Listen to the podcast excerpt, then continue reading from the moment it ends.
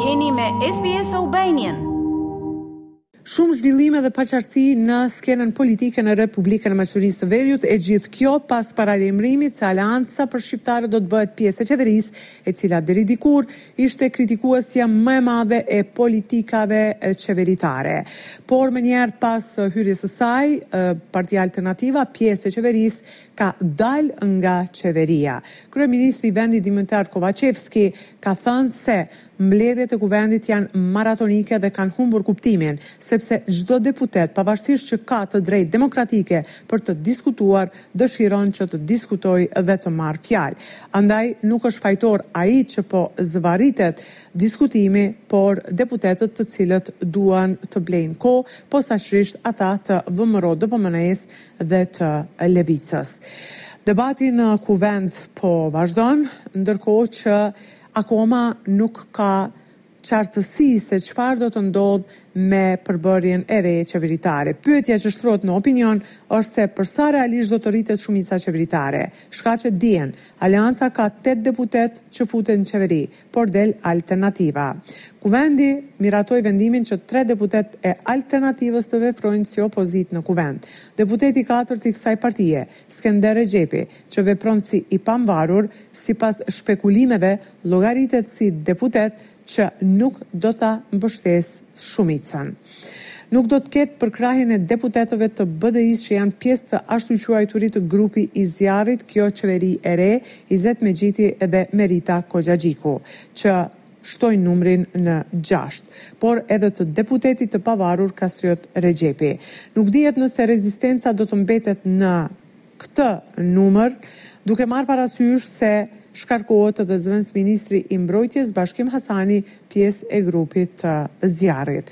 Nuk është i sigurt edhe deputeti dhe lideri i Lidhjes Demokratike Pavle Trajanov, partner koalicioni i LSDM-së, para disa ditësh nga kjo parti thanë se nuk janë të gatshëm të mbështesin partnerin e ri në qeveri nëse ai kërcënohet me destabilizim, radikalizim dhe riorganizim të Maqedonisë, duke aluduar në një deklaratë të liderit të Aleancës për Shqiptarët, Arben Taravari. Pas turbulencave të këtilla, vlerësohet se shumica qeveritare mund të mbetet me mbështetjen e njëjtë sikurse paraprakisht, ose minimalisht të rritet, për një ose tre deputetë.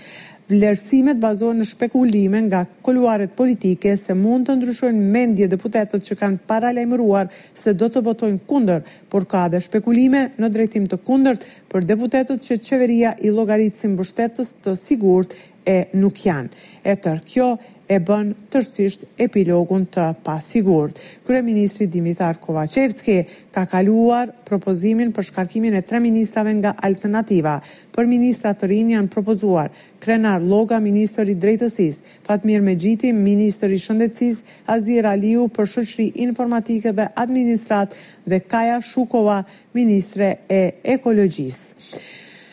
Për numrat dhe stabilitetin e shumicës së re flet deputetja Arta Zendeli Bilali. Ndjekim deklaratën. Rregullorja e Kuvendit nuk parasheh kufizime në këtë rast, siç është rasti me rikonstruimin e Qeverisë ose me zgjedhjen e Qeverisë. Janë paraqitur pothuajse të gjithë deputetët e opozitës maqedonase dhe plus edhe disa deputetë të opozitës shqiptare. Nga Alternativa kishim një diskutuese, dje patëm deputetin Fadil Zendeli nga Lëvizja Besa, kështu që është evidente se tendenca është që të zgjatet sa më shumë derisa të vijnë në momentin e votimit për shkak se numrat janë. Numrat janë dhe ata mundohen që të blejnë kohë, eventualisht mos të ketë ndonjë ndryshim, por unë jam më se e bindur se në fund do t'i arrijmë, ne do t'i dëgjojmë deri në fund dhe në fund do të votohet, do të votohen ndryshimet në kabinetin qeveritar. Po, jam e bindur se numrat janë. Mbi gjashtëdhjetë e një janë me siguri. Ndërkohë është festuar pesëmbëdhjetë vjetori i Pavarësisë së Kosovës në Shkup. Në Teatrin Shqiptar, Ansambli Nacional i Këngëve e Valleve ka mbajtur manifestimin Dita e Plisit me ç'rast të gjithë spektatorëve të shumtë në sallë u janë shpërndarë plisa në ndërkohë që i tërë ky eveniment është mbajtur nën patronatin e zëvendëskryeministrit të parë Artan Grubi. Personi i parë i Bashkimit Demokratik për Integrim, Ali Ahmeti, në fjalën e tij ka uruar Kosovën për pesëmbëdhjetë vjetorin e krijimit, duke shtuar se gjatë festave dhe gëzimeve koha të kthen prapa dhe të bën të kujtosh përvoja të tjera të këqija. Në këtë rast, përveç fjalimit të liderit Ahmeti, fjalim kishte edhe ambasadori i Kosovës, Florian Qehaja. Në ndërkohë, solistët e ansamblit kanë interpretuar këngët më të bukura epike. Aktori nga diaspora Bajazit Murtishi ka sjellur monologje nga monodrama e Adem Jasharit, ndërkaq si valle premierë u shfaq vallja e Bareshës në kujtim të Nexhmije Pagarushës dhe të gjitha grave të cilat kanë bërë revolucion në shoqëri. Spektakli që dhuroi Ansambli Nacional i Këngëve e Valleve ishte një ngjarje e rrallë dhe qendrorja për pesëmbëdhjetë vjetorin e Kosovës e shënuar në Shkup. Me këtë rast, lideri Ahmeti është shprehur kështu. Ndjekim deklaratën. Sot nuk kujtohet veç pavarësia. Sot nuk kujtohet vetëm liria. Sot kujtohen të gjithë ata breza që kanë rënë si nga Ushtria Çlirimtare e Kosovës, Ashtu edhe të gjithë ata atdhetarë e patriotë, që nga vendosja e regjimit ushtarak e policor më një mijë e nëntëqind e dyzet e pesë, që gjithçka çka ishte shqiptare, vriteshte, burgoseshte, masakroheshte e dëboheshte.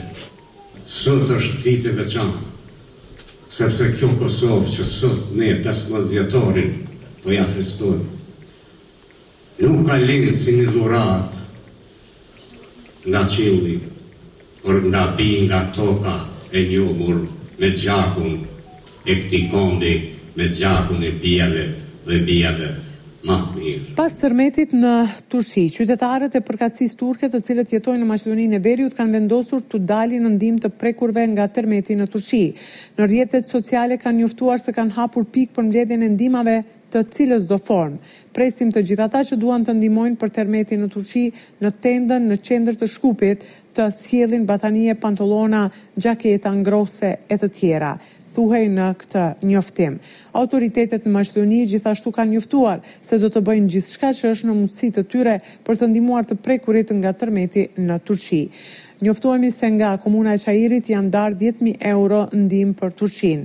Theksojmë që tërmeti i ditës së hënë me magnitudë shtatë pikë tetë që goditi Turqinë jugore ishte tërmeti më i fuqishëm i qarkut në më shumë se tetëdhjetë vjet. Më shumë se katër mijë e treqind njerëz kanë vdekur dhe mijëra të tjerë janë lënduar, sipas të dhënave të deritanishme. E tërë kjo ka tronditur tërë botën dhe vendin tonë, që është mobilizuar për t'i dalë në ndihmë qytetarëve të prekur në Turqi dhe Siri.